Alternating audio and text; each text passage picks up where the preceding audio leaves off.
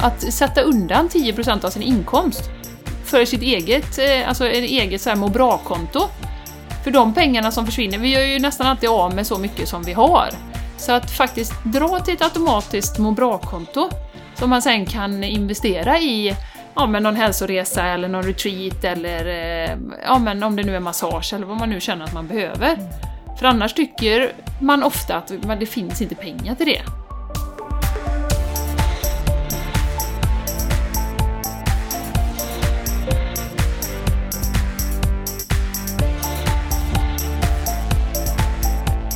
Välkommen till Game Changers Podcast! Tillsammans skapar vi ett liv som är hållbart för kropp, själ och planet. Vi djupdyker i allt från hållbarhet och entreprenörskap till spiritualitet och hälsa. Vi inspirerar och stöttar dig att leva din fulla potential. För ett bra liv börjar med dig.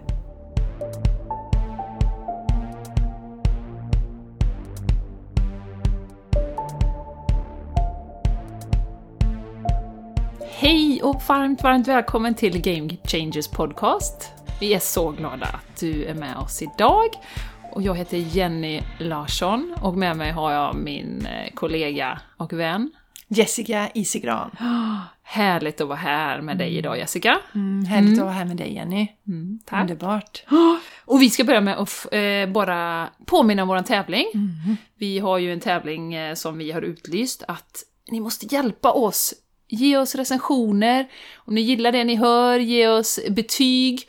Och sen så tar ni en screenshot på det och så mejlar ni till eh, thegamechangerspodcast@gmail.com. Eh, och då är ni med i en, en tävling, man kan vinna en session eh, Reconnective Healing. Och det är en fantastisk healing eh, som är väldigt kraftfull, och som återkopplar dig till dig själv egentligen, är det bästa sättet att beskriva det. Så ta chansen att vara med och hjälp oss att sprida den här podcasten. Vi vill ju förändra världen. Vi vill leva ett hållbart liv och att vi tillsammans ska skapa detta. Och vi är helt övertygade om att vi kan göra det med små, små steg i rätt riktning. Och vi vet ju att ni är så många som gillar våran podcast och vi vet utifrån våran egen erfarenhet att det är många poddar vi gillar men vi tar inte oss riktigt den tiden så därför vill vi ge er en present om ni hjälper oss med detta. Yes! Superbra! Eh, och vi vill ju också kort prata om vad vi har på gång.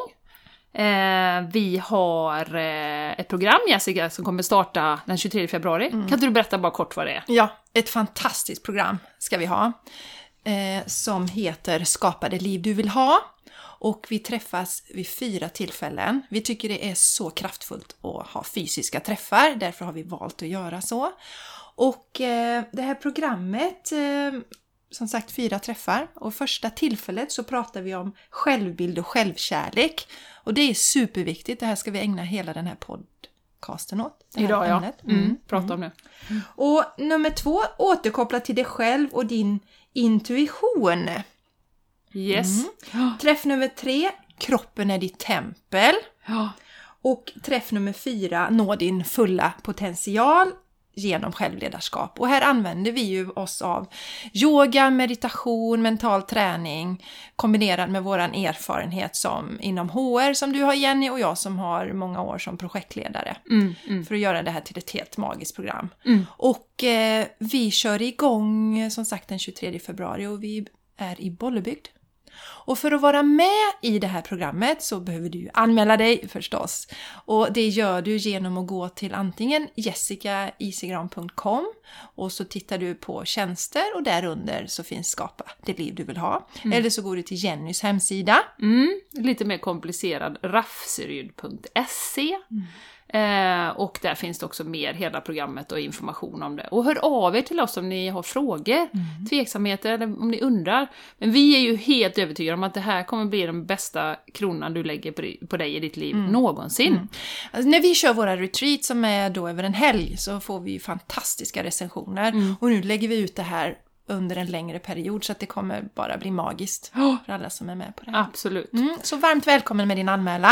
Mm. Och vi har ett nytt endagsretreat att berätta om, Jenny. Den 9 mars kommer vi träffas på Brämhults gård. Och vad är det för tema? Ja, det är ju samma som hela det här avsnittet, självkärlek.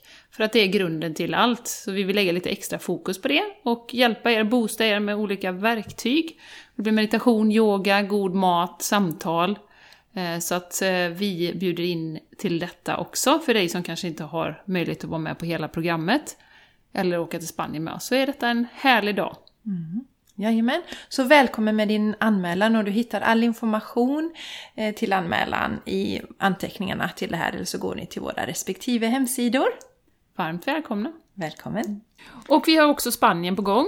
Eh, vill du eh, liksom på lite sydligare breddgrader få till dig de här energierna och de här verktygen som vi jobbar med, så eh, häng med oss. Det är 11 till 14 april. Och vi kommer åka ner till ljusets kust i Andalusien och eh, yoga, meditera, samtala. Det finns också tid att självklart bara ta det lugnt och landa i det själv. Det finns möjlighet till enskilda behandlingar av olika slag. Så det är verkligen en lyx som man kan unna sig och åka med oss, för det, det är väldigt speciellt i Andalusien och ljuset och värmen som sagt som är där. Så det kommer också bli magiskt, så du, känn lite vad du är dragen till. Och Jenny, det är ju så här att om man vill ta med sig en vän så erbjuder vi ju 1500 rabatt. Just det, just det, för det är ju boende i eh, dubbelrum. Så har man någon som man känner att man vill åka med, så ta med den så får man lite rabatt av oss då. Och hur gör vi för att anmäla oss till detta Jenny? Samma, vi går till jessicaisigran.com eller på min hemsida, rafseryd.se. Eller mejla oss på den här e-mailadressen, samma som tävlingen. Det går jättebra. Just det. The Game Changers Podcast. Jajamän. At gmail.com. Ja, och vi finns ju på Instagram också, det heter The Game Changers Podcast. Podcast. Så därför följ oss gärna där, för Ja, vi, där är vi aktiva Mm. eh, eh, åtminstone en tre, fyra inlägg i veckan. Ja. Så vill ni ha mer regelbunden inspiration från oss så följ oss där. Ja, och där kommer ju också events och sånt. Vi delar ju allting så att man ser vad som är på gång. Precis. Eh, jag ska läsa en recension också. Ja. Vi älskar ju när vi får recensioner och det är därför vi har lite tävlingar emellanåt för att få in lite vad ni tycker och lite feedback. Eh, och även som sagt sprida det, eh, det här budskapet som vi har.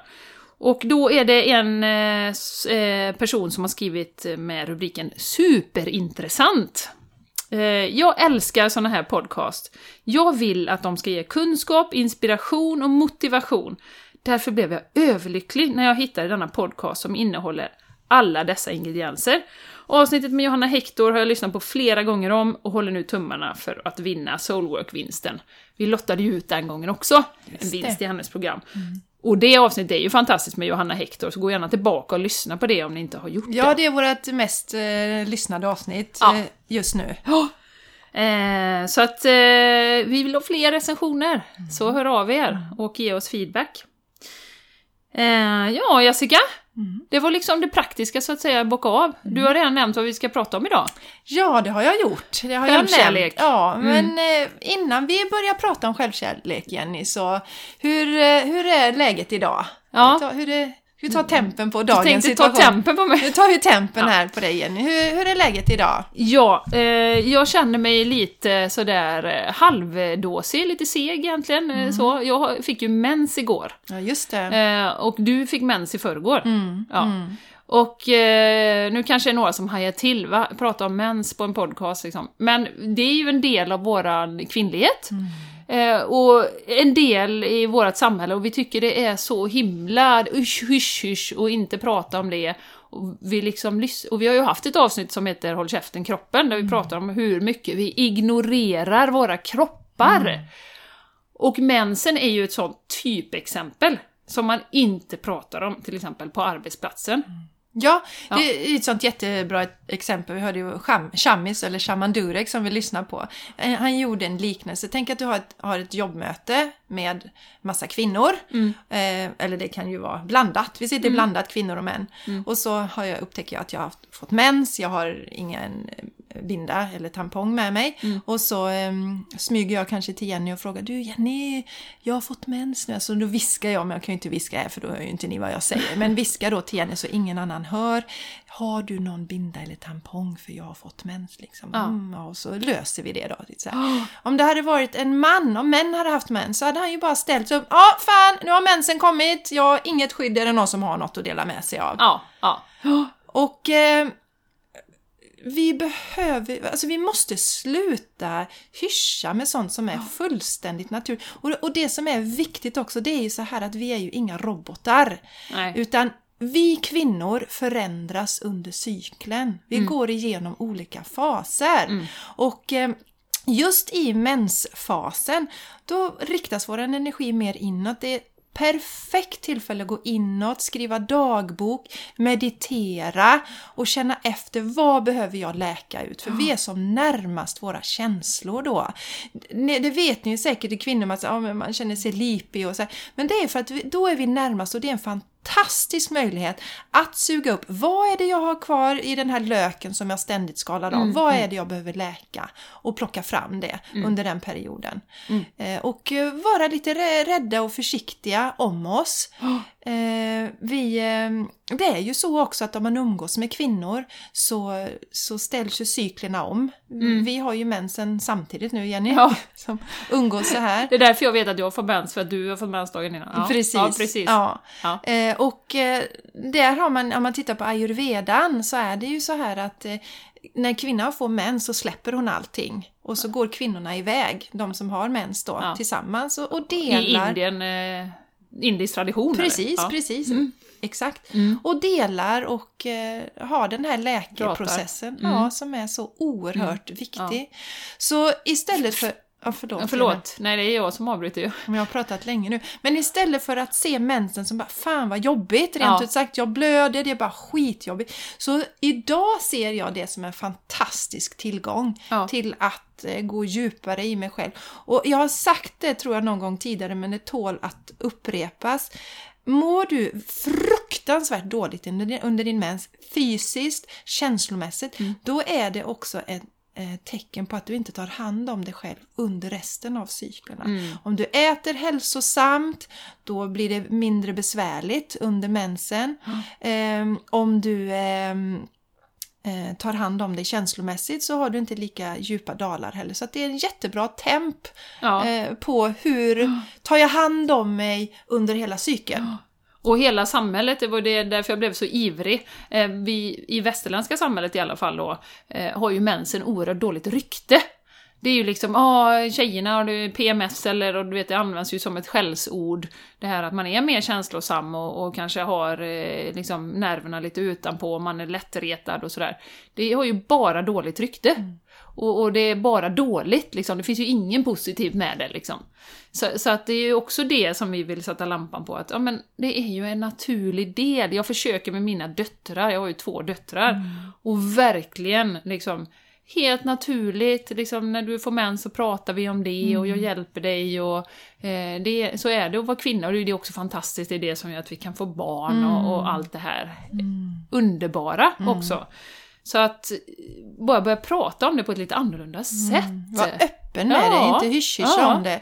Jag pratar ju med mina söner om det, stackars mina söner nu som hör detta. Ja. Men alltså just det här, liksom, jag talar om det, men nu har jag mens och nu är jag lite tröttare och nu orkar inte jag det. Att, att liksom, det är också en typ av självrespekt tycker jag, Jenny. Mm, för, mm, mm. för jag kommer ihåg när jag var yngre, jag kommer ihåg en, särskilt när man, just gymnasietiden har jag någon minnesbild från. Alltså det spelade ingen roll att man hade mens, man var med på gympan och man körde lika hårt som alla andra och fasen det ska inte märkas att jag har mens eller någonting sånt. Nej, nej. Men eh, inom eh, i yogatraditionen så är det ju flera yogaövningar man inte ska göra under de här dagarna. Så Ja. du ska ta det lugnare, Ja, ja just det. vara snällare mot kroppen. Självrespekt. Mm. Jag springer aldrig till exempel under mensens tre första dagar. Nej, nej. Nej, det är ju jättebra tips att ta med sig. Mm. För det kan jag ju säga det har jag ju ignorerat under hela mitt liv. Fram till ungefär nu. Eh, när man börjar. För jag Eftersom ens- jag pratar om mens hela tiden. så jag har blivit uppmärksam på det, men det är faktiskt sant. Och jag har ju, nu frågar min man, jag har ju aldrig koll på när jag, när vi skulle skaffa barn då, det var ju jätteroligt. Han bara, men när får du mens? Och så, här, "Ja, jag har ingen aning när den kommer, nej men det var väl någon vecka sedan jag hade, eller liksom, du vet, jag har verkligen ingen koll. Och verkligen då en, eh, vad ska man säga, en eh, frånkoppling från kroppen, från det kvinnliga liksom. För av den här anledningen att det är ju bara något som vi ska ta oss igenom som bara är smutsigt och jobbigt och åh, man får ont i magen och man blir lite svullen och man åh, gud vad tråkigt det är att ha mens. Så att he- den har jag ju levt med hela, och det är ju så samhället ser ut, att vi behandlar det på det viset. Vilken jävla bromskloss! Ja. Särskilt, särskilt för oss som är högpresterande personer. Ja. Så det är ju bara ett hinder, fan kommer mensen och, och förstör. Ja, ja. Men som sagt, jag ser det som en fantastisk tillgång. Och sen då att, att liksom ha en eh, kartläggning över, över din menscykel. Mm. Eh, för att kanske veckan innan ungefär du får mens, då är ju vi som topp, på topp, alltså som högst i våran energinivå Mm. och kan producera som mest. Att börja titta över lite så här, börja intressera dig, notera när du får din mens och vart du är i dina cykler och sånt och, och utnyttja det istället. Ja, ja, ja precis. Och, och ta den här mikropausen som ju detta är faktiskt då. Nu under mensen då tar jag det lite lugnare. Jag är verkligen, verkligen snäll mot mig själv och äter bara snälla grejer och ja, tar ja. hand om mig. Ja, och till alla män då som lyssnar, att ha en respekt för den här cykeln också. Att det inte bara är jobbigt och nu blir hon sur, eh, liksom min, min fru eller min flickvän, och gud vad jobbigt. Utan det är ju faktiskt det mest grundläggande i naturen, vi ska kunna reproducera oss. Så har vi mens och liksom vara lite känslig för det. Kanske det finns säkert killar som har jättebra koll på det. Eh, och som, som tar och respekterar det, det säger jag inte, men samhället Nej. i stort gör ju inte det. Nej, precis, och sen, alltså min bild eh, när jag har kartlagt min så är det ju att det här att vi blir irriterade och sånt, det är ju oftast innan mensen Innan mensen kommer. Mm, det är inte under själva mensen, då är vi mer gråtmilda Ja. och behöver verkligen närhet och kärlek och kramar och sådär.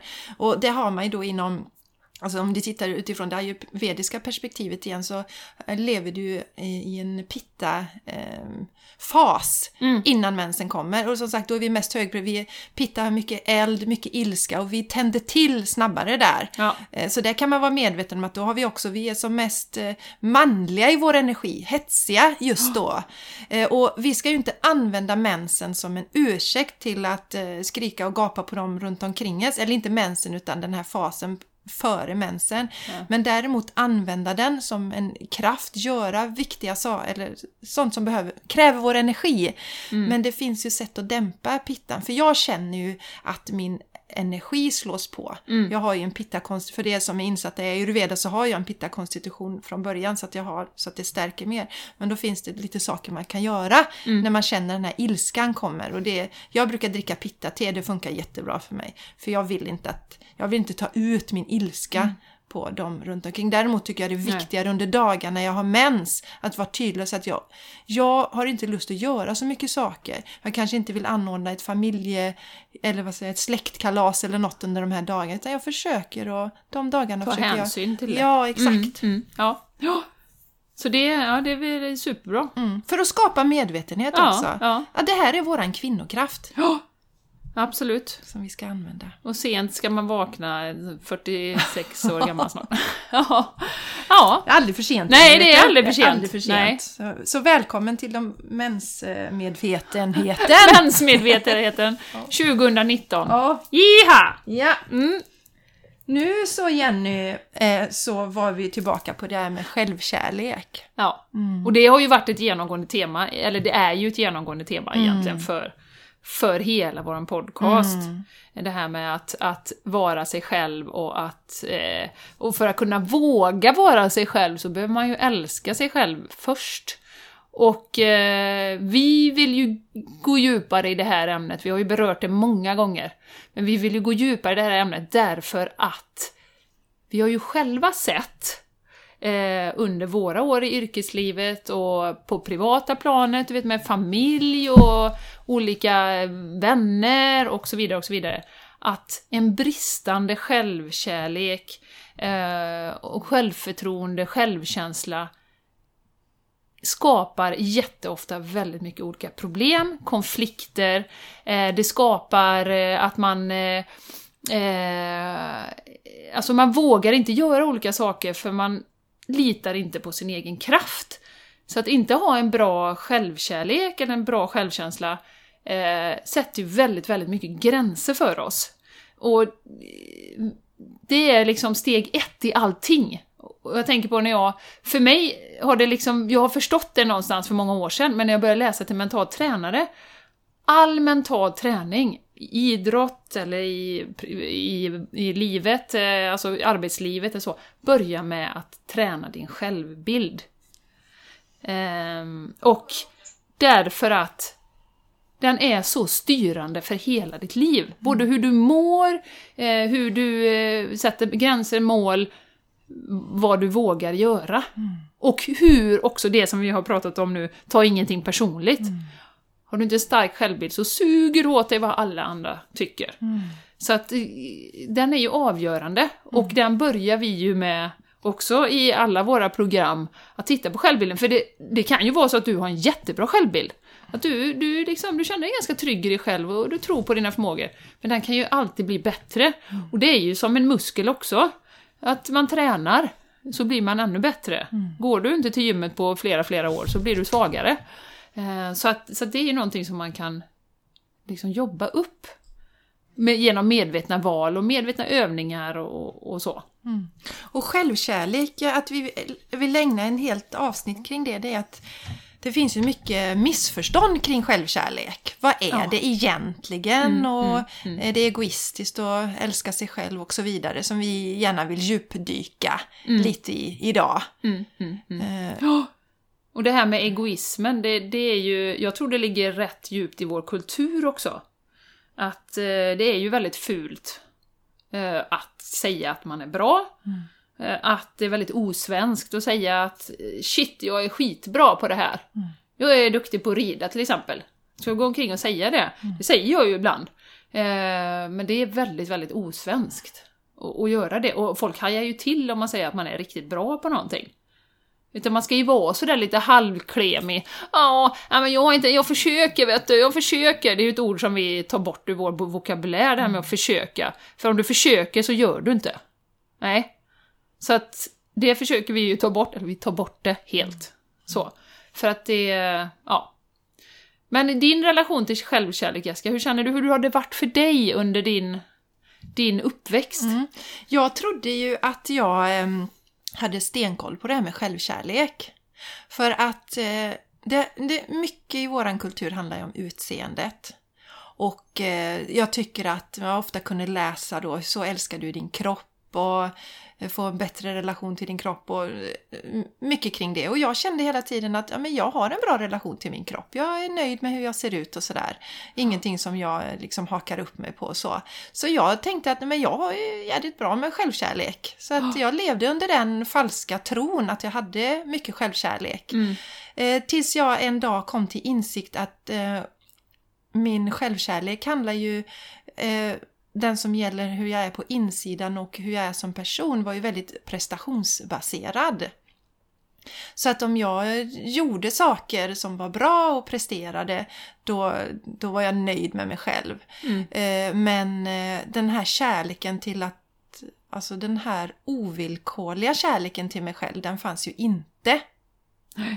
Eh, utan det var ju, jag känner ju, ja, man tittar kanske när man la sig på kvällen så var jag ju nöjd. Jag hade gjort saker och presterat saker under dagen. Då kände jag mig nöjd med mig själv. Mindre nöjd om jag inte hade presterat någonting. Mm. Och eh, kan också blanda ihop det med just det här med självförtroende och självkärlek. För det kan jag också... Nu vet jag, jag jobbar ju med det här idag eftersom jag har lampan på eh, mm. med självkärleken. Och det kan vi också gå in på hur man kan jobba med det. Men jag vet ju också, märker att många eh, blandar ihop just precis som jag gjorde självförtroende och självkärlek. Att, ja men jag säger, hur har du det med, med din självkärlek? Kan jag mm. säga. Ja men den är nog ganska bra. Jag är ju nöjd, alltså eh, jag har bra förtroende för mig själv om jag söker nytt jobb eller in idrottsprestationer eller liknande. Så jag har stark tilltro till mig själv. Men jag har inte riktigt förstått det här att det faktiskt är ju prestationsbaserat. Mm. Eh, det det kommer utifrån då. Mm. Man är nöjd med det eller man är stolt med saker som man kan, kan prestera. Mm. Då kommer kärleken. Mm. Och det som vi menar med självkärlek är ju mer, som du var inne på nu, med det ovillkorliga kärleken till dig själv. Som person, att acceptera dig som du är, att du duger som du är, oavsett vad du presterar eller gör eller hur du ser ut.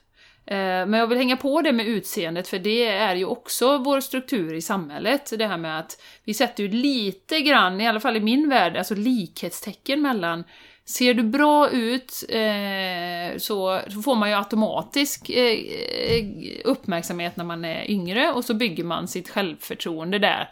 Om man tycker att man ser bra ut och så, ja, så kan man bygga vidare på det. Och det blir lättare att lyckas. Och alla bilder av, av folk som vi ser som lyckas är ju ofta, om man tittar i media, eh, personer som ser väldigt bra ut.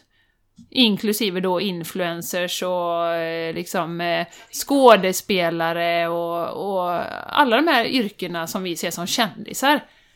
De ser ju väldigt bra ut. Många gånger. Så, att, så att vi har också en falsk föreställning om att ja, men ser man bra ut så har man det nog väldigt bra liksom, självkärlek också, man älskar sig själv och man, har, man är lycklig och, och alla de här bitarna då. Eh, och när man tittar på det så vet, vet alltså, nu man har hört några kändisar och jag menar det finns ju folk som tar livet av sig och det är ju inte re relaterat överhuvudtaget. Har, har man ju förstått och alla har ju liksom sitt bagage. Eh, så att eh, samhället sätter ju också mycket av standarden i det här med, med självkärlek. Som jag känner det. Så därför tycker vi det är väldigt viktigt att belysa det här, att Ja. vi river upp det. Mm. Att det inte har med...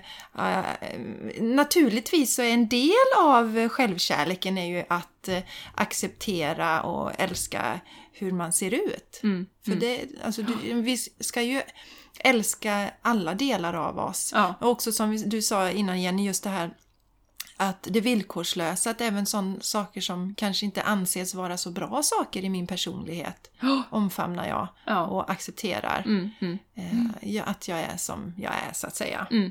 Det är ju det som är villkorslös kärlek och det är det vi behöver jättemycket om. Vi behöver inte mer dömande, självdömande, förminskande av oss själva. Mm, mm. Nej, det, vi gör ju inte det. Men det är väldigt intressant att du även under tonåren kände hela tiden att du var... Hade, du tyckte du såg bra ut och du såg liksom... Nej, fast inte under, inte under tonårsperioden. In, inte just under tonårsperioden kände jag inte Nej. det, Jenny. Nej, då hade jag ju... ehm, eh, jag hittade mina dagböcker för några år sedan och det var ju ingen rolig läsning. Det var ju inte snällt Nej. hur jag behandlade mig själv. Men när tonårsperioden, så runt från 20-årsåldern, Ja. så eh, fanns inget sånt kvar längre hos mig. Liksom, att, Och hur gjorde du något aktivt eller hur kom det sig att du hade, liksom fick den bilden att du, nej, jag gjorde inget du var aktivt där. nöjd med hur du såg ut? Jag gjorde inget aktivt där faktiskt. Du var ju ganska smal, Ja. har jag förstått liksom. Och smal är ju bättre än tjock, alltså så. Mm. I den värld- världen vi lever i nu. Alltså, Ja, jag tänker så här just när det gäller, det är så här och det har jag ju min mamma att tacka för. Aldrig någonsin nämnde mamma vikt hemma.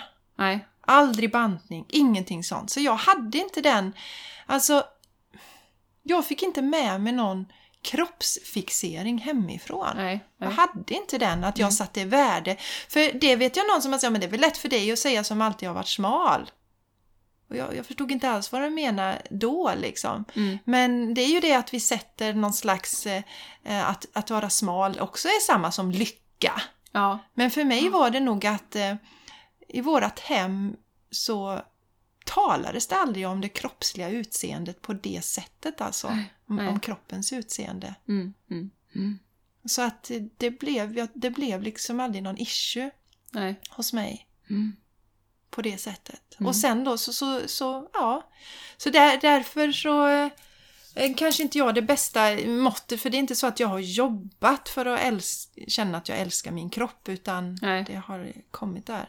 Har Sen, sen har jag ju berättat någon gång när jag hade en period när jag var extremt smal efter min lunginflammation, när människor rakt ut. Eh, då var jag ju sårbar eftersom min energinivå var låg Ja. också.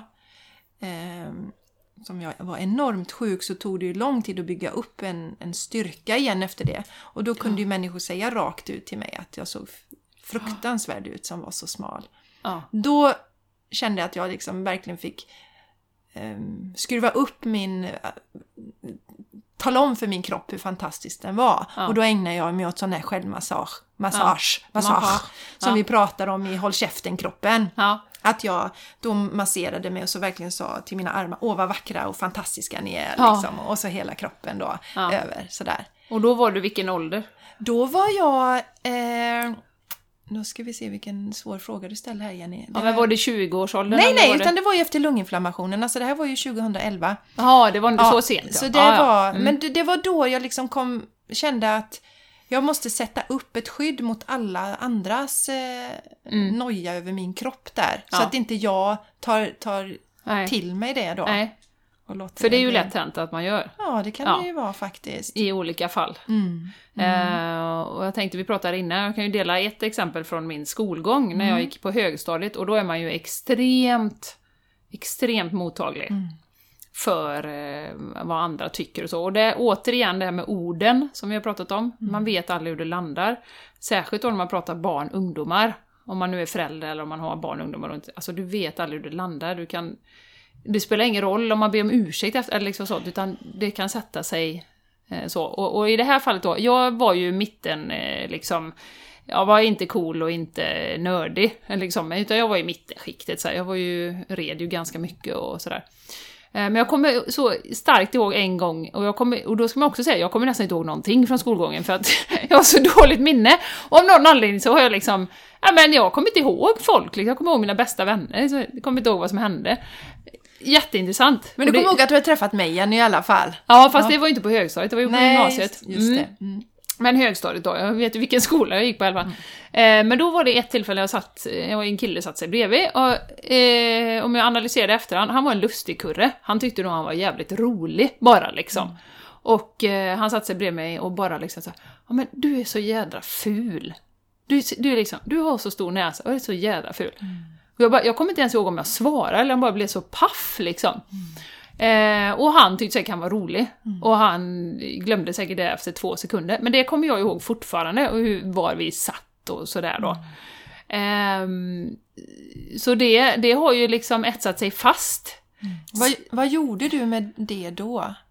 Berättade du det för någon? eller? Nej, det gjorde jag inte. Jag har inte berättat det för någon. Jag tror om jag skulle gå tillbaka i dagböckerna så har jag skrivit detta. Eh, det kan, jo, jag har nog berättat, för jag hade en kille som jag var jättebra kompis med på gymnasiet. Kan hända att jag berättade för honom eh, någon gång, för han kände också den här killen då, så, så han visste vem det var och sådär. Och han sa också, "Men det menar ju inte han liksom, herregud. Så här. Eh, men just att jag kommer ihåg det. Och eh, då hade jag ju inga verktyg, och du vet ju hormonerna är ju liksom överallt och sådär. Så att, eh, men sen har ju det, så det kommer jag ju fortfarande ihåg. Men sen har jag ju eh, då, det här som vi pratar om, jag hade ju inte alls den styrkan och kunde slå ifrån mig, utan jag var ju jätteledsen i liksom veckor efter det. Och tänkte att ja, men jag ser nog inte så bra ut. Liksom. Ja, men det är fruktansvärt. Ja, det är fruktansvärt. Ja. Jag blir så ledsen när Ja. jag hör det. Ja, och då tänker jag på, jag var ju inte ens liksom mobbad, det här är ju ett enskilt tillfälle. Då tänker jag på alla stackars, stackars barn som råkar ut för mobbing, alltså systematiskt, vad det gör för självkänslan. Ehm, så att, sen har jag ju liksom lyckats komma tillbaka till en någorlunda nivå, för jag har fått bekräftelse på annat sätt av diverse vänner och pojkvänner och andra som har liksom sagt eh, att jag ser bra ut och sådär. Eh, men det, att det etsas sig så, det är ju helt fascinerande. Så jag hade ju inte alls den tryggheten i liksom att... Så jag kände ju att jag behövde ju fixa mig, jag behövde göra mig i ordning och jag behövde ju liksom så. För att vara snygg. Så. Ja, just det här som du säger, just hur man minns de här händelserna. För jag hade ju en händelse när jag, jag gick i fyran tror jag. Ja. Eh, som du sa, jag var ju väldigt smal. Jag var ju smal när jag växte upp. Och då var det en kille i parallellklassen. Jag var en sån tjej som, jag spelade alltid fotboll på rasterna. Med killarna i de andra klasserna. Och så var det en kille som, som gick i parallellklassen som jag egentligen inte kände. Nej. Och så sa han till mig att jag var så fruktansvärt smal, att det var liksom fult att vara så smal. Och då... Jag reagerade nog lite som, jag blev sådär, vad ska jag säga? Men då hade jag en tuff kompis som var med mig som skällde ut honom efter noter. Mm. Vilket gjorde att eh, det, det liksom bröts, men, men den händelsen satt ju kvar där hos mig också. Jag menar, jag minns ju den fortfarande Ja, också. ja. Men eh, av någon anledning så har, har inte den styrt min självbild sen, liksom senare så att säga. Nej. Eh, efter eh, 20-årsåldern eller vad det nu var, när det Nej, egentligen nej, känns nej. som, som det var bra där.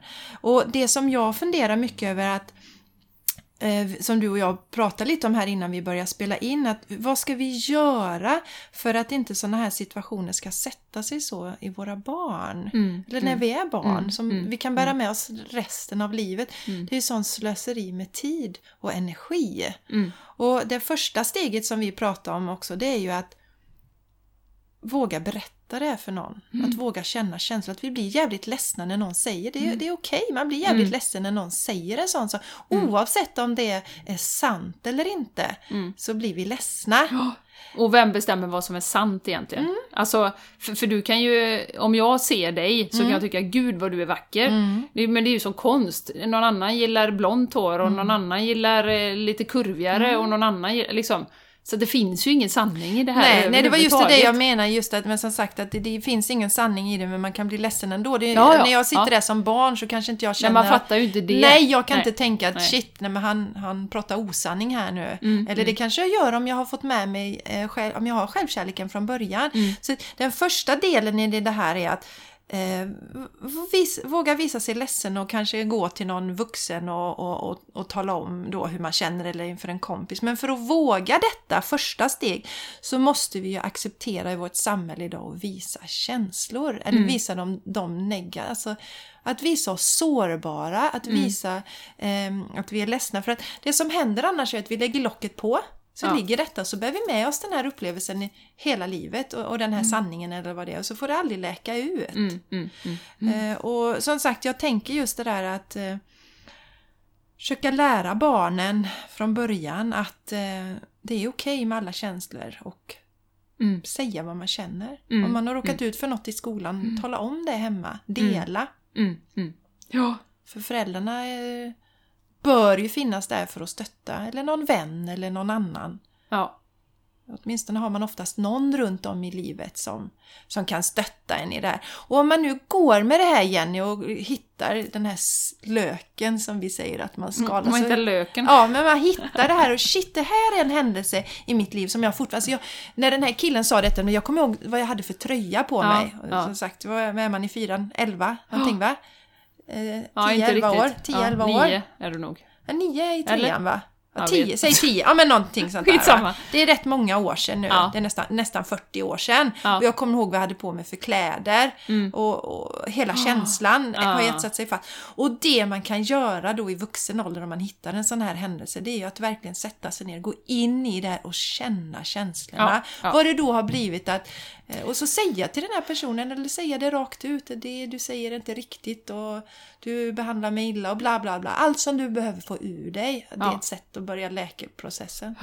Och försteget till detta är, och det är också, ingår också i den mentala träning, alltså när man utbildar sig till mental tränare.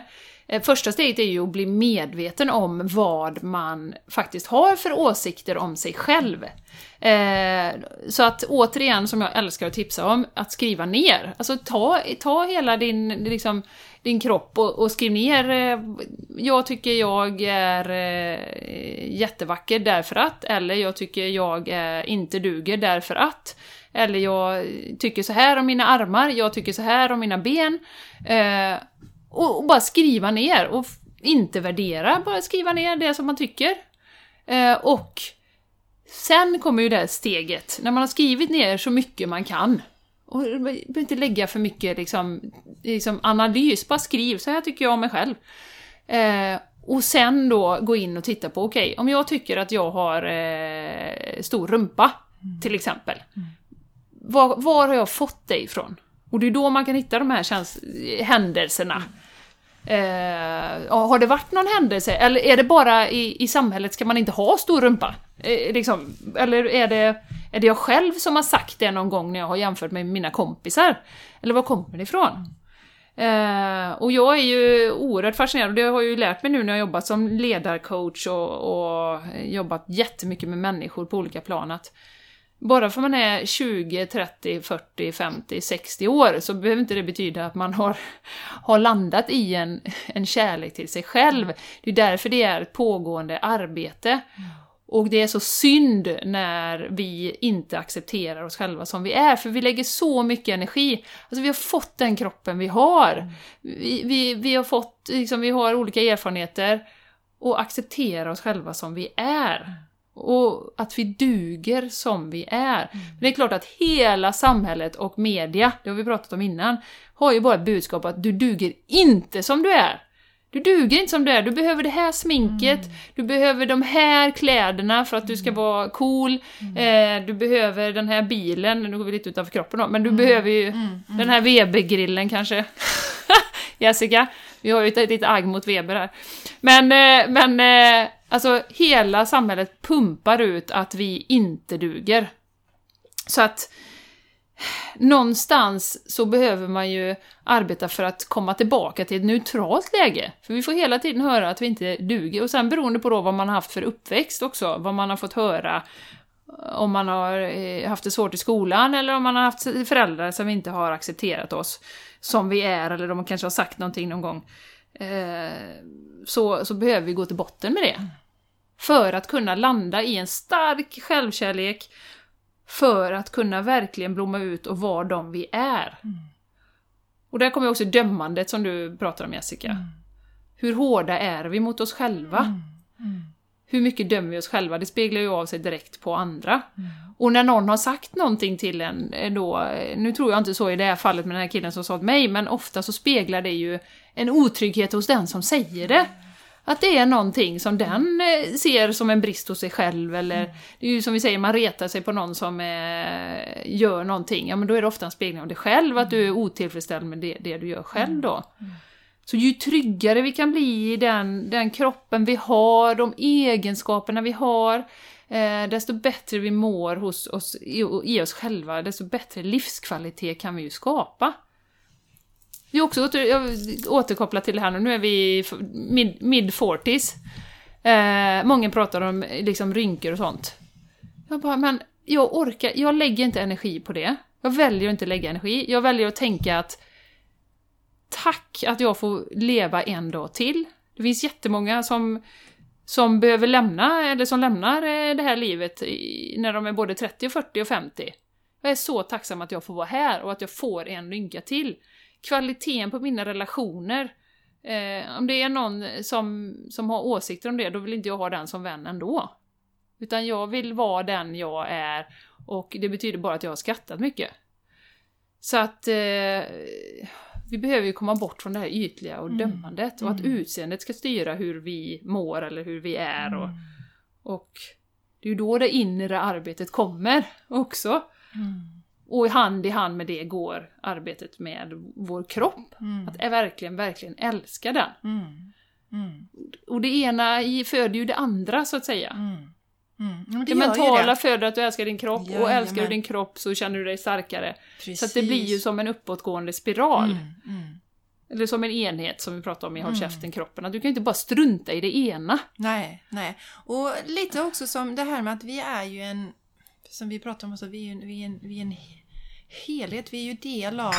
Om jag tar hand om mig själv, som vi ofta pratar om, och ger mig mm, själv mm. kärlek, då blir jag ju en bättre medmänniska eh, och kan ge mer till dem som är eh, runt omkring mig till exempel. Oh. Och jag tyckte det var en intressant just också det här när man tänker på självkärlek. Eh, Eh, det är ju ingen hemlighet att du och jag äter en växtbaserad kost. Nej. Eh, och det finns ju lite filmer och böcker och sådär som man kan tipsa andra om om man vill inspirera. Och det finns en film som, eh, som jag tittade på som heter Forks over Knives, alltså gafflar över knivar. Att det ska vara mer naturligt att äta än att ta till operationskniven.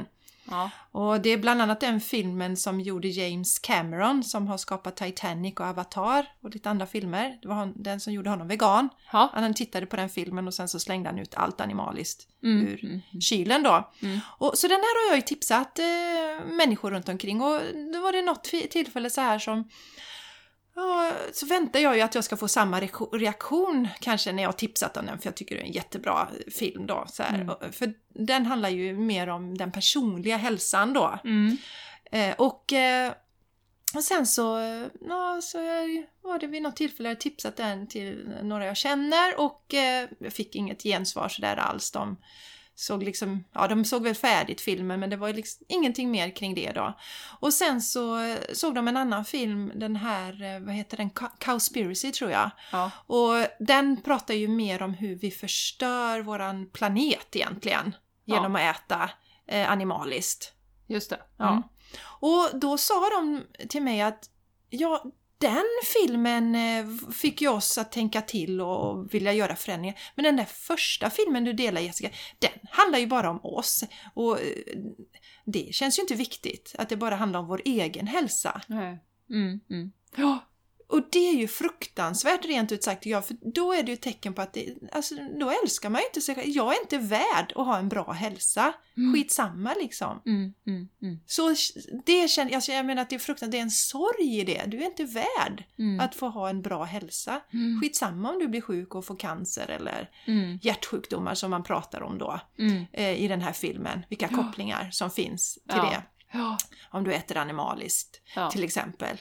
Och eh, eh, ja, så att det, det, Ja. det är intressant att se hur... Men hälsan kommer väldigt långt bak liksom. Ja men det är också och ett det sätt hänger av... ihop med att inte prioritera sig själv. Nej, det Nej. gör ju det. Men Mm. då det man kan tänka om det nu någon annan som tycker jag, ja, men jag håller ju med dem fullständigt. Det är ju, ja fast tänk så här nu då att okej, nu har du fått det här. Någon har gett dig en liten hint om att du faktiskt kan bli sjuk av att äta så här och du fortsätter att äta så här. Du blir sjuk.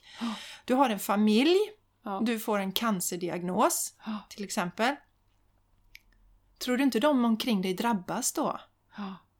Mm. Naturligtvis gör de det. Det är inte Mm. bara du själv som drabbas när du blir sjuk. Mm. Om det nu är så att du behöver den motiveringen då. Mm. Men den ska inte behöva finnas där. Utan det ska ju bara gälla... Mm. Jag, jag älskar mig själv så mycket att jag vill ge mig själv en eh, största möjliga chans Det att hålla allra mig bästa. frisk. Ja, det Mm. allra bästa. Ja. Och det här eh, hänger ihop också med, jag tänker på ur den spirituella synvinkeln som du var inne lite på, att vi är alla ett. Att vi är alla en del av samma. Eh, och, och det här med dömandet, att inte döma, vi ser oss själva i andra. Och att vi kan liksom... Alltså mycket av det här är ju att eh, liksom... Att det inte finns tillräckligt för alla. Mm. Alltså ett bristtänkande, också att man ska armbåga sig fram i världen och bli framgångsrik och har du inte blivit framgångsrik då är du ingenting värd. Eh, så att också alltså, verkligen ta till sig den här spirituella delen, men vi är alla ett, vi är i samma båt. Det finns tillräckligt mycket för alla här på den här jorden. Eh, och att man har ett ansvar, lite som vi pratade om för någon, någon podcast, ansvar för sina ord, så har man också ansvar för att ta hand om sig själv. Så att man kan ge det allra bästa till andra. Mm. Och där brukar jag säga ibland, och där eh, hå- håller jag ju själv på att ställa om mitt tänkande, men eh, jag kan ju referera till mig själv, alltså eh, till exempel en massage då, det kostar 800-900 spänn. Jättemycket pengar tycker man ju då. Men att, att gå till systemet och köpa alkohol för att vi ska ha middag, ja men då går en 700-800 spänn i vin och öl och sånt. Ja, nu, nu dricker jag ju inte längre då, men, men förr så, liksom den, man blinkar ju inte ens. Du bara gick in där och drog kortet. Mm. Så här, ja, massage hade varit gott, men du vet, så jädra dyrt. Så att, nej, det tänker jag inte gå på. Nej. Så att det är ju ett, det hörde jag en gång också ett tips att, eh, att sätta undan 10% av sin inkomst för sitt eget, eh, alltså en eget så här må bra-konto. För de pengarna som försvinner, vi gör ju nästan alltid av med så mycket som vi har. Så att faktiskt dra till ett automatiskt må bra-konto som man sen kan investera i ja, men någon hälsoresa eller någon retreat eller eh, ja, men om det nu är massage eller vad man nu känner att man behöver. Mm. För annars tycker man ofta att det finns inte pengar till det. Och vi prioriterar inte det som sagt. Det vi borde prioritera först är ju vår hälsa före allt annat. Mm. Och jobba proaktivt med att vi ska må bra.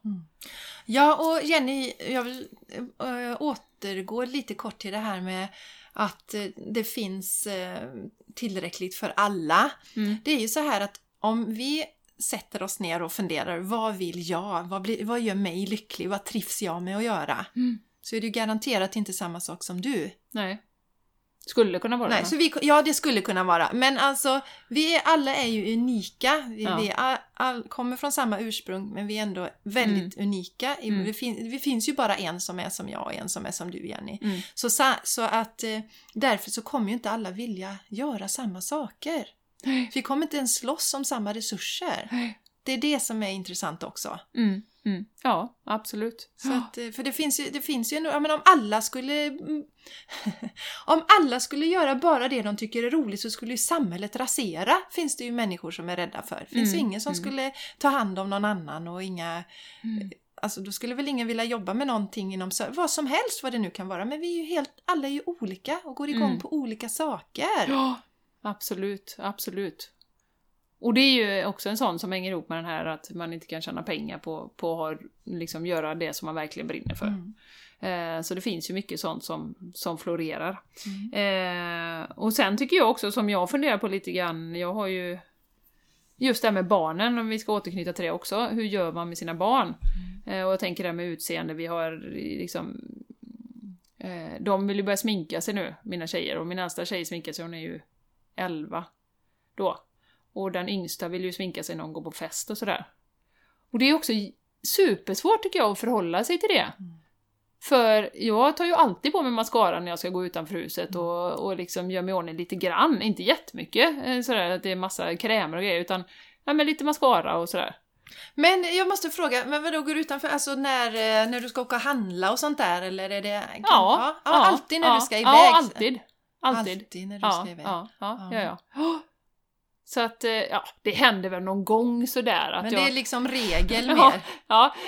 ja men och, och det är så intressant, jag skulle hämta min, eh, min yngsta dotter en gång och då var det så här fredagkväll eh, och jag hade duschat och jag hade dit. Nej, jag tänker inte sminka mig, bara hoppas jag inte träffar någon jag känner. Mycket riktigt står det någon innanför dörren liksom bara hej! Jag bara åh, hej, ja, jag har knappt kammat mig. Ja men du vet, så här, då måste jag dra en harang om att liksom, nu ser jag inte tipptopp ut här. Ja, så jag är så jävla trött på det. Så att nu tänker jag köra en, jag har ju kört en digital detox, nu ska jag köra en smink-detox. Helt underbart Jenny, Ja. och du har redan börjat! Ja, För redan! du har sminkat av dig idag Jag har börjat! och du är så vacker Ja. och sitter här utan Ja. eh, smink. Yes! Och, eh, men det tycker jag är helt rätt att göra det, det är så befriande. Jag, jag tycker att det är roligt att piffa mig. Sådär. Men eh, jag har för länge sedan släppt det där med, och det är ju också, jag har ju linser. Ja. Du har du linser också? Ja, linser också. Mm. Och där fanns ju tider när jag inte kunde tänka mig att visa mig ute med glasögon. Nej, Men, nej. men det är helt bortblåst. Jag, jag trivs bättre ehm, jag tycker själv att jag är vackrare utan glasögon. Jag Ja. tycker de är liksom en grej i vägen. Ja. Eh, men jag kan ju åka till affären och jag kan gå ut eh, osminkad och med glasögonen. Och klart att det var skitläskigt första gången. Utan glasögon. Ja, Ja. eh, sa jag ju att jag gick Med ut glasögon? Utan, ja, att gå ut med glasögon. Ja. Utan glasögon då ser jag ingenting så Nej. det är en fara för mig själv och andra. Nej, men eh, just det här att det är samma där. Att, eh, precis som med, med telefonen, testa en vecka och se, Mm. du kommer överleva. ja. Jag har ju till och med glömt, eh, för, eh, vi pratade om det på somrarna brukar jag aldrig sminka mig. Nej. Eh, det har jag ingen lust med, jag Nej. orkar inte lägga till man är ledig och sådär. då. Och sen har det ju också gått i att jag åkt till jobbet några gånger utan att sminka mig. Ja. Sen sitter jag där kanske i bilen och så tittar jag, "Ah, herregud jag har inte sminkat mig idag. Nej, okej, undrar om någon märker det liksom. Men det är inte, det är inte en kotte som märker Nej, det. nej. Det var som när jag hade samma kläder i två veckor, eller i två månader var det ju. Eh, Jag hade två set som jag bytte. Mm, Det var ingen som märkte det heller. nej. Nej, så gör det här precis som med telefondetoxen, då ser du sen när du verkligen behöver använda eller när du vill sminka dig. Ja. För jag kan känna att eh, eh, det är lättare för mig kanske att komma igång vi, som, som jobbar hemifrån en hel del nu. Som Ja. du också börjar göra nu Jenny. Att Ja. det kan vara skönt att göra sig i ordning så att, och ta på sig så att jag inte känner att jag går liksom i myskläder och i Men det mysmode känns lite professionellt. Ja, jag vill växla upp lite Ja. och då tycker jag om att sätta på mig mascara Mm. eh, till exempel då. Men så ska vi ju säga också, Att det här är ju, det här med utseende och framgång och så, det är ju mycket kopplat till det kvinnliga. Eh, Okej för killar också, det är ju många som ser bra ut och skådespelarna och sådär. Men, men framförallt kvinnor. Framgången är ju, ska du ha framgång så får du banne mig se bra ut. Mm. Eh, eh, duktig och bra. Ja. Var snygg. Duktig och var snygg. Ja, ja. Ja. Vilket ju inte alls krävs av män. Nej. Titta bara på Trump liksom. Ja. Det, det var det närmaste jag kom på. Ja, det är inte för Eh, utseendet och, och så han hans fru då. Det, Ja. det har du ju eh, tydliga exempel på. Du kan ju se ut hur precis som helst liksom, Mm. och bli hur framgångsrik som helst. Mm. Men du, som kvinna behöver du ju vara vacker. Mm. Mm. Alltså det skulle ju inte, alltså tänk dig om han skulle dyka upp med liksom en, ja men vad som helst, någon som ojämna tänder Mm. och liksom jag kommer på massa skelar och, nej men du vet, alltså det här traditionella som inte är Ja. snyggt, kanske överviktiga, alltså det hade ju inte hänt. Mm, nej. Så det är ju också väldigt, man ska ju vara obs på det, och det är ju därför jag vill köra sminkdetox nu. Mm. Det är ju, kolla bara våra svenska politiker, Jenny. Ja, Alltså om vi jämför männen och kvinnorna där. Ja, Mm. mm, Mm. just det. Det är inga Mr Universe där direkt va? Nej. Det, ja. Ja, det är ju Ulf Kristersson som är lite het. Nej, jag skojar bara. Men alltså just det där att eh, Mm. nu ska vi inte gå på några personangrepp här. Nej, att det- absolut inte. eh, Men just, just bara att Bli lite medveten om det. Ja, vi kan se att eh, de kanske inte är lika mm, estetiskt eh, tilltalande Nej, nej. som eh, motsvarande kvinna Mm, är i samma position. mm, mm. Ja, exakt. Det har ju en helt annan... Eh, eh, samhället är uppbyggt en helt annan eh, struktur för kvinnor om man ska komma framåt. Så, Mm. så, se, och jag tror det är grundat i, ja men som redan i barndomen då, då har du fått höra att du är vacker och att du kan minsann och alla gillar dig och så. Mm. Och då har du byggt din självkänsla på det. Självklart också föräldrar och vad du har för omgivning. Men att det blir så mycket lättare eftersom värderingen är att eh, är du snygg eh, och smal då helst Mm. så eh, ja, men då får du mer möjligheter och då har du lättare att ta dig fram helt enkelt. Och det är ju fruktansvärt egentligen. Ja, det är fruktansvärt. Fruktansvärt. Ja, och sen är det ju Ah. så, om vi, om vi nu ska hårdra det som jag säger ibland, liksom att alltså, alltså män sminkar ju sig inte. Nej, inte de, några. Ja, några gör det. Ja, precis. Nej, men de som jag har runt omkring mig sminkar sig Nej, inte. de- Det är ju jävligt skönt de har det. För det är ju också en grej där, Jenny, som vi inte ska underskatta. Det är ju faktiskt så att eh, börjar en att sminka sig så Ja. Måste inom situationstecken de andra sminka sig också. För det är ju bara att titta, titta på, på, på ett ansikte som är sminkat och ett som är osminkat. Ja, Och känner man då att, ja men okej, alla de som är sminkade och piffade, de syns, men jag syns inte, ja men då måste jag också sminka mig för att synas. Mm, mm. Så att, hur ska man säga, ribban på utseendekravet höjs ju hela Mm, tiden. mm, eftersom mm, vi mm. håller på och piffar oss och piffar oss, det blir en slags tävling. Ja, ja, absolut. Och som sagt, eh, återigen medvetenheten då att eh, de här kraven, förväntningarna som är, är på kvinnor versus män. Sen vet jag också nu att det är en enorm kroppshets ju bland ungdomar. Eh, hur man ska se ut och hur man ska träna, alltså unga män. Mm, mm. Man behöver vara tränad och, och ha muskler och, och liksom för att vara någonting värd. Så jag tror att det har säkert ändrats från när vi var yngre, att det är en större press på, på de unga killarna idag. Mm. På, än vad det var när vi var mindre. Mm. Så att vi ska inte exkludera dem på något sätt. Nej, nej, Eh, säkert inte. Så. Nej, nej, nej, absolut inte. Men om man tittar på vår generation så är det ju generellt så att kvinnor har en eh, tuffare relation till sin kropp än vad männen Mm. har. Det finns väl någon sån här gammal seriestripp där man ser en man som står med ölmage och så, här, så framför spegeln och så hur fan vad jag är vacker och så ser man en kvinna så här "Åh, oj oj oj där nere har jag liksom en liten, en liten väck då eller vad, vad säger man en liten Ja. eh, bilring eller vad det nu kan Ja, handla om. ja. Som man, eller gäddhänget. Alltså, Det finns så mycket tokiga saker att hänga upp sig på. Ja, ja. Så, att, eh, mm. så Ja. det, det är olika förutsättningar för Mm. män och kvinnor. Mm, mm, absolut. Ja. Och att landa i liksom lite grann då, eh, dels tycker jag den här helheten att vi, eh, vi är alla i samma båt här på, på den här planeten. Varför ska vi ta tid och energi och döma varandra? Och skälpa varandra Mm. och, och bedöma hur vi ser ut och, Mm. och liksom Varför kan vi inte bara istället rikta om den energin? Mm. Och det handlar ju om att starta med sig själv då. Mm, starta med sig själv och så har vi ett jätteviktigt jobb där gentemot våra barn då, Mm. så att säga. Ja. Dels hur vi visar Ja. vad vi säger, som du säger, liksom att eh, om du säger en sak, om du säger att döttrarna är jättefina precis som det är, men man själv inte vill gå utanför dörren utan att ha sminkat Mm, sig, då mm. sänder man ju inte riktigt de signalerna Nej. då till exempel. Eller som man till exempel eh, eh, bantar och så som eh, hela tiden pra- eller pratar om vikten hela tiden. Ja. Och att man inte ska äta det och inte unna sig. Då är det ju det som barnen eh, ser och ser som Ja. ver- sin verklighet. Då. Så Ja. att vi har ju ett stort ansvar där eh, vad vi säger och vad vi, Ja, hur vi beter oss som föräldrar. absolut. Eh, Och även det här med självkärlek då, om vi tar även, inte bara utseendet, att vara jättenoga med att bedö- inte bedöma dem för vad de gör Mm. och presterar hela tiden. Mm. Som ju är det som många av oss har växt upp i. mm. Utan för vad du är. Åh, vad roligt det ser ut, vad roligt det ser ut att du har när du är med dina kompisar. Mm. Och, Mm.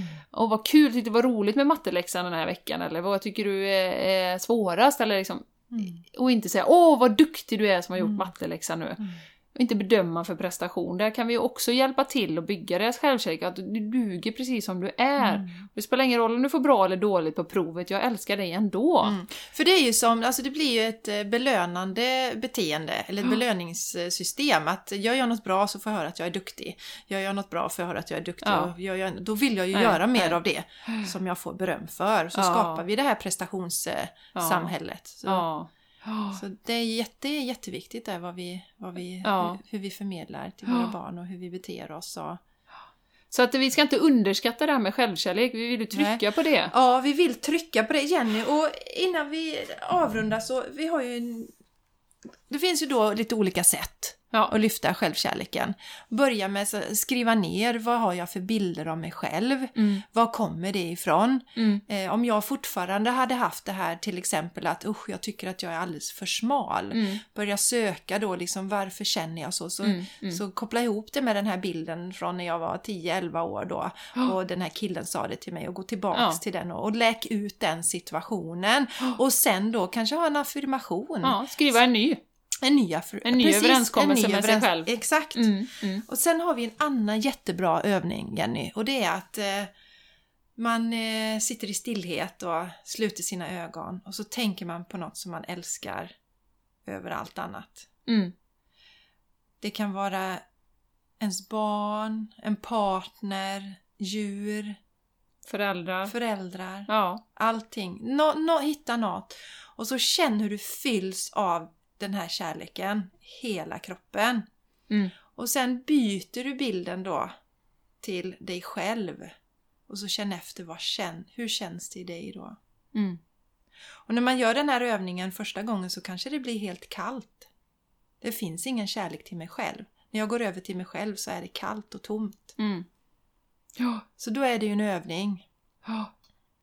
Övning ger färdighet. Mm. Så flera gånger kan man ju göra denna. Jajamän, Om man gör den- vet att det svajar, liksom, Mm. självkärlek. Och, och även göra den någon gång emellanåt, även om man tycker att ja, men jag har ganska bra Mm. självbild och självkärlek till mig själv och jag, jag duger som jag är. Liksom. Mm. Jag tycker, men det, det går ju att fylla på ändå Mm. och göra att man eh, kanske vågar sätta ännu djärvare mål om man får en ännu högre tillit till sig själv. Mm.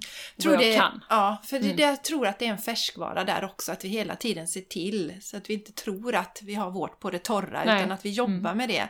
Och så kan det vara en sån där sån gamla mönster som, som jag jobbar med till exempel att eh, kan det vara en dag när jag har varit trött då, säg till, ja, och inte presterat så mycket som jag tycker att jag borde ha gjort. När jag lägger mig då så säger jag till mig själv jag älskar dig Jessica, även om inte du har presterat så mycket idag. Mm. Så vänner, även om jag inte presterat Mm. så mycket idag så älskar jag mig själv. Oh, ja, Så säger jag det till mig då, så är det det sista jag får höra liksom, när jag lägger mig. Så att man ja. jobbar aktivt med det. Ja, och det här är ju också nära förknippat med det vi har pratat om med negativitet. Den inre rösten som man har till sig själv. Att försöka vrida på den och vara positiv och stöttande som Mm. din bästa vän. Som du skulle stötta din bästa vän, eller den här, ta den här personen som du känner allra mest kärlek för. Hur skulle Mm. du prata till den? Kan du prata till dig själv på det viset? Eller känns det jätte, jättekonstigt? Eh, och där är ju mycket samhälleligt också. Det här med jantelagen till Mm. exempel. Du är inte bra, du är inte, du klarar ingenting, du ska inte tro att du är något.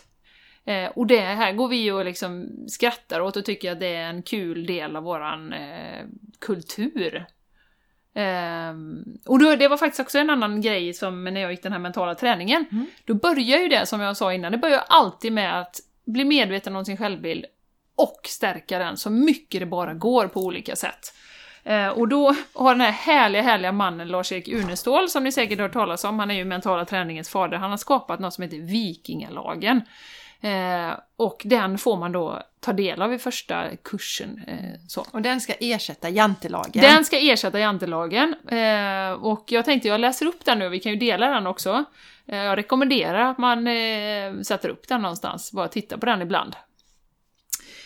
Och den lyder så här, det är 10 stycken punkter, och den första punkten, och det här tycker jag också man kan läsa för sig själv och se hur det känns inombords. Hur känns det när du läser det här för dig själv? För då kommer du upptäcka om du kan läsa det utan att du liksom ramlar baklänges eller får ont i magen eller känner att ah, det här känns jättekonstigt. Då, då kan du upp, upptäcka var din självkärlek ligger på en skala 1 till 10. Um, ehm, och den lyder så här då. Nummer ett är tillvarons största gåva är jag själv. Två, alla människor kan lära sig någonting av mig. 3. mina tankar är mer komplicerade än alla datamaskiner. Mina känslor är lika viktiga som andra människors. Det jag säger är väl värt att lyssna på. Nummer 6. Det jag gör är väl värt att uppmärksamma. Nummer 7. Jag respekterar mig själv och finner att andra gör det också. 8. Jag skrattar åt mig själv med ömhet och värme. 9. Jag har full rätt att må bra på alla sätt. Och nummer 10. Jag är unik för det finns ingen mer som jag. Fantastisk Jenny. Mm. Jag ska skriva ut den och sätta upp den hemma. Ja. Tycker den är underbar. Ja. Och det är väl bra sätt att avrunda ja, det tycker jag. dagens podd. Det tycker jag. Och, och det stora perspektivet, att tar vi hand om oss själva, ovillkorlig kärlek till oss själva, så kommer det sätta igång en, en liten våg av kärlek runt omkring till alla, på jobbet, hemma, vänner, bekanta. Så det är inte, det är där vi behöver börja. Det är där vi behöver börja. Vi blir som en kärlekskudde som alla kan krama Jenny. ja, men ser man på hur världen ser ut idag så är det ju mycket av de problem vi har är ju grundade i som jag sa, bristande självkänsla. Och ju äldre man blir, desto svårare det är att erkänna att det faktiskt brister. Det är lätt om man kanske är, är- ja, jag ska inte säga att det är lätt, men, men ju högre upp och ju högre chef du har blivit och vilken högre position, ja, alla har ju haft den här känslan att nu måste jag täcka upp. Tänk om någon kommer på mig, att jag inte kan så mycket egentligen. Och det, det hörde jag senast idag, eh, det var någon podcast jag lyssnade på, en man som var 60 år, han kan få den känslan också. Att "Uff, tänk om någon kommer på mig! Och det är ju där mycket rädslor, mycket, mycket av det här dåliga som händer är grundat i det. Och att vi ofta då reflekterar våra egna osäkerheter på andra och tar ut det. Och det triggar oss när vi ser det. För om någon kommer på mig att jag inte är så himla bra så kommer de inte berömma mig och då försvinner den här eh, belöningssystemet Mm. som jag sitter i. Som inte är byggt på inre trygghet, utan som är byggt på yttre, Yttre. faktorer hela tiden då. Mm. Så att, eh, ja, Mm. Jessica, Mm. det är så viktigt. Ja, det är så viktigt Mm. så eh, vi kommer planera in en, en endagsretreat faktiskt med det här som tema. Självkärlek. Ja, Så det ska kommer vi återkomma med. Ja, det gör vi. Mm, det är oerhört viktigt. Så det är... Älska er själva. Mm. Mm. Gör det. Och eh, vi är så glada att just du har lyssnat idag Mm. och är med oss. Och eh, vi hoppas vi ses någon gång. Ja, det gör vi på verkligen. någon av våra events eller Mm. bara ute i, i världen. Mm. Ja, Mm. Ta hand om dig, du som har lyssnat. Ja. Var rädd om dig. Vi hörs snart igen. Hörs nästa fredag. Hej då!